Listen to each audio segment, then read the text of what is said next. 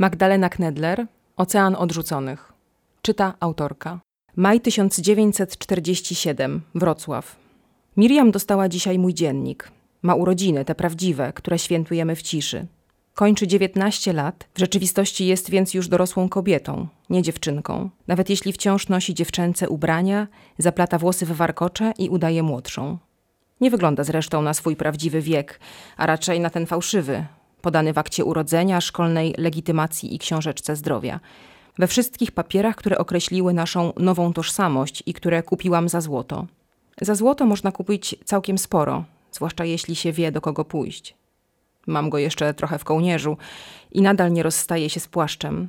Teraz jest już wytarty i dziurawy. Służył mi za ubranie, kołdrę, posłanie, chronił od deszczu i śniegu, od słońca i wiatru. Wiele rzeczy mogli mi zabrać, ale nie płaszcz i nie kołnierz płaszcza, w którym zaszyłam swoją przeszłość. Wyprzedaję ją kawałek po kawałku i coraz mniej czuję, że oddaję własne życie. Robię to przecież w słusznym celu. Robię dla Miriam. Jest wszystkim, co mam, ale nie tylko o to chodzi. Chodzi również o to, że ją po prostu kocham. Kiedy poznałyśmy się na liniowcu St. Louis, zwróciłam uwagę na intensywnie rude włosy i piegowatą, drobną twarz.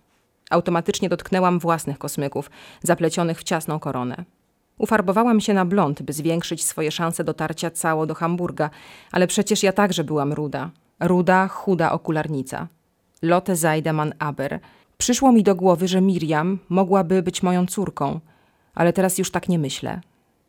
Teraz myślę tylko o tym, że ona jest moją córką. Trwamy przy sobie, bo chcemy. Podjęłyśmy świadomą decyzję. Ja jestem matką, która nie odeszła. Ona jest córką, dzięki której żyję. Przyglądam się jej teraz, kiedy w zamyśleniu przewraca strony dziennika. Według dokumentów ma dopiero 16 lat i nazywa się Maryla Kwiatkowska. Maryla, córka Karoliny i Mieczysława. Karolina to ja, a Mieczysław nie żyje. Zginął pod gruzami dawnej Warszawy, miasta, którego już nie ma.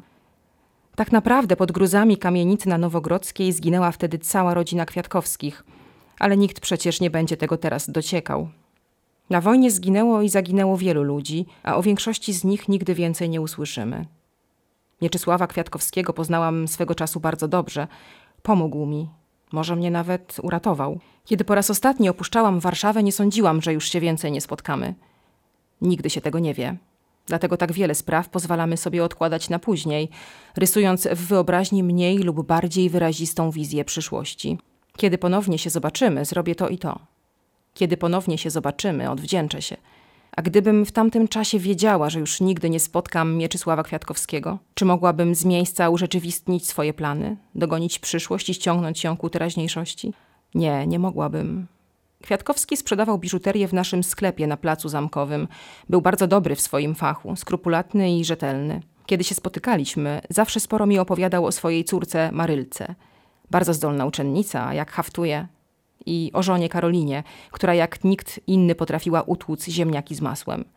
Poznałam je później osobiście, ale nie byłam w stanie odpowiednio docenić ich zalet.